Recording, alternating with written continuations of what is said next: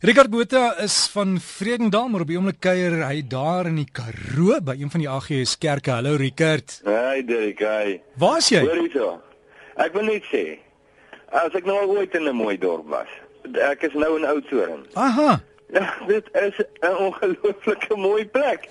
Ek weet nie waar laas as jy in Oudtshoorn nie, maar jene man, Ek het ek was baie lank klas hier. So miskien is dit nou vir my nou, jy weet, alles weer nuut van voor af, maar die die ou geboue en die berge en die bome en die strate en is skoon, jy weet, dis dit 'n verskriklike mooi dorp. So ja, kuier baie lekker die naweek. En jy moet jy buitekant toe gaan kyk, daar's 'n paar baie stadige plase daar, hoor. Ja, vreeslik en daai ou volstrys, jy weet daai volstrys baronhuise, wat hmm. noem hulle dit van die volstrys veer era.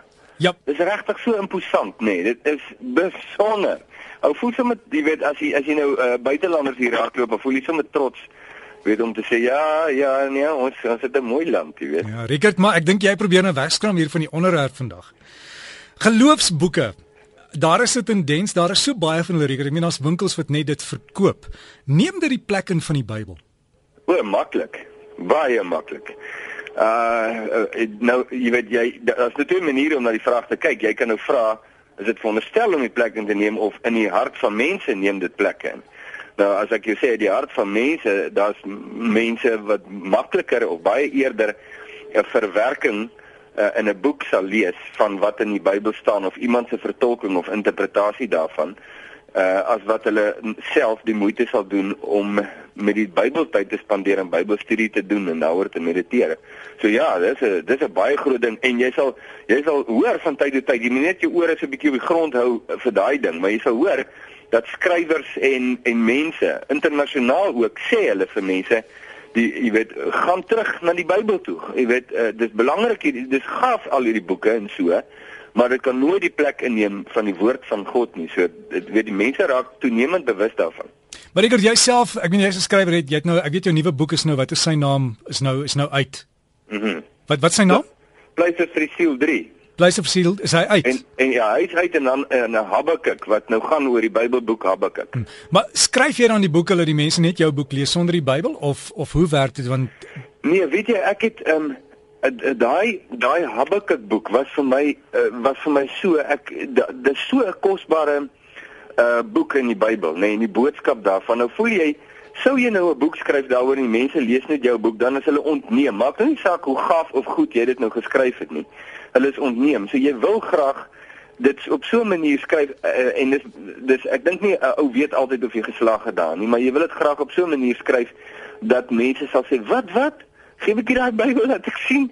Jy weet of dit regtig so is. En uh, ek dink dis wat 'n ou wil regkry. Jy wil die mense se harte terugvat na wat in die skrif staan want dit dis belangrik jy weet in mense moet nie tevrede wees met iemand se interpretasie nie maak nie saak wie se interpretasie nie dit kan baie behulpsaam wees jy weet uh, pragtig en so maar maar dis nog nie die finale woord nie. 'n Belangrike ding. So Rickert, ja, maar dit bring my nou die punt so ek hoef nie net iemand se boek te lees en te sê dis nou genoeg uh Christendom in my in.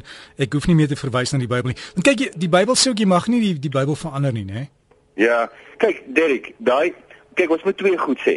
Wat uh, seker op die onderwerp wat belangrik sou wees. Die een is ons moet sê dat ehm um, daar's al verskriklike wonderlike boeke wat al verskyn het uh jy weet op die mark. Uh, ek dink nou aan ons uh, weet klassieke werke wat oor eeue net jy weet iets ek dink nou aan Andrew Murray se boeke byvoorbeeld wat jy dit is tydlose goede of jy weet daar's nou ek kan nou klomp skrywers noem wat net fenomenaal is en dit verryk jou lewe en jou insig in wat in die skrif staan. Geweldig. So, dis baie belangrik. Dis dis een ding wat mense moet sê en dit is kosbaar en dat hierdie mense nou baie keer jare van hulle lewens met ons deel ehm um, in 'n boek.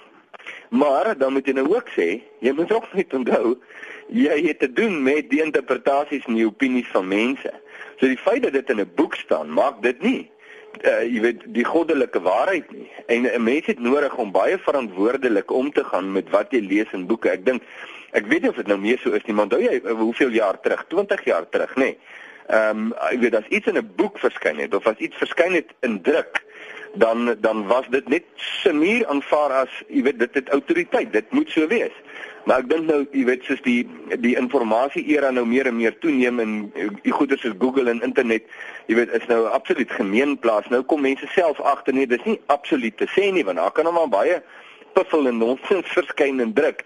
Uh so die feit dat dit in druk is beteken nie dit is dis reg nie. En ek dink dis 'n ander belangrike ding om te sê gelowiges het nodig om Christus getrou te wees en en te onderskei in hulle harte. Jy weet, ehm um, is is dit die boodskap van God hierdie of is dit nou maar net ehm um, sê nou maar 'n verwaterde weergawe van 'n skrywer? Maak nie saak hoe gaaf of dierbaar die skrywer is nie, maar mense het nodig om verantwoordelik te wees. Rickert en dan wanneer dit kom by goed soos SMS'e en traktaatjies wat jy by jou selfoon kry. Iemand het nou die dag gesê, hulle is so besig daarmee, hulle vergeet om die Bybel te lees. ja, jy sien. Ja, hierdie ding, kyk daar's 'n daar's 'n sê woord. Wat wat nou al ek dink al vreeslik holrig gereis, maar maar dit bly nog steeds 'n lekker sê woord want hy hy sê die ding so raak, jy weet en dis waar jy nou iemand hoor sal sê 'n uh, ou uh, is so besig met die dinge van die Here dat hy kom nie by die Here van die dinge uit nie. En en dit nê, nee, soms half ook nou hierdie onderwerp op. Weet 'n mens kan so besig raak met uh aanhalingstekens geestelike goeters, jy weet in gedagtes en konsepte en so aan dat jy dat jy in die proses heeltemal God se hart mis en en en nie in jou verhouding met God groei nie of in jou insig van God se karakter of persoon groei nie maar maar half is jy verdoof in die proses want weet jy so 'n bietjie bedwelming in want jy voel dan maar jy's besig met geestelike goed. So jy kom nie agter jy stagneer nie jou jy kom nie agter jou hart raak verwyder nie. En dis dis 'n hakkelike plek om te weet en eh, en daar sal ek nou heeltemal met jou saamgaan. Ehm um, daar dit baie goed wat mense stuur uh onder 'n geestelike sousie, maar dan is dit nou man, dis so stroperig. Jy weet, dit is so uh, voel ek net, ja man, los liewerste dit. Geef vir my gee vir my die hart van God of vertel my iets van Jesus of vertel my iets wat my jy weet wat my gees sal laat spring want want dit gee my 'n kans om te groei. Moenie net deeltyd soek om my te paai of te troos nie. Almal van ons het troosting nodig. Maar gee my iets waaraan my siel kan gryp uh gee my Christus, gee my God self, jy weet, en en dit is vir my, jy weet, dit is vir my baie sinvol. Pleister vandag Rickert? Ehm um, kom ons sê ja, kom ons sê uh ooh, kom ek half jou versie aan. Uh, ek dink dit gaan 'n wonderlike pleister wees vandag. Dit in Hebreërs waar uh, daar geskryf word uh, God het op baie maniere en dan kom ons voeg net maar by baie mense en verskeie gawes en allerlei platforms in die verlede met die mens gepraat, maar in die laaste dae praat hy met ons deur sy seun.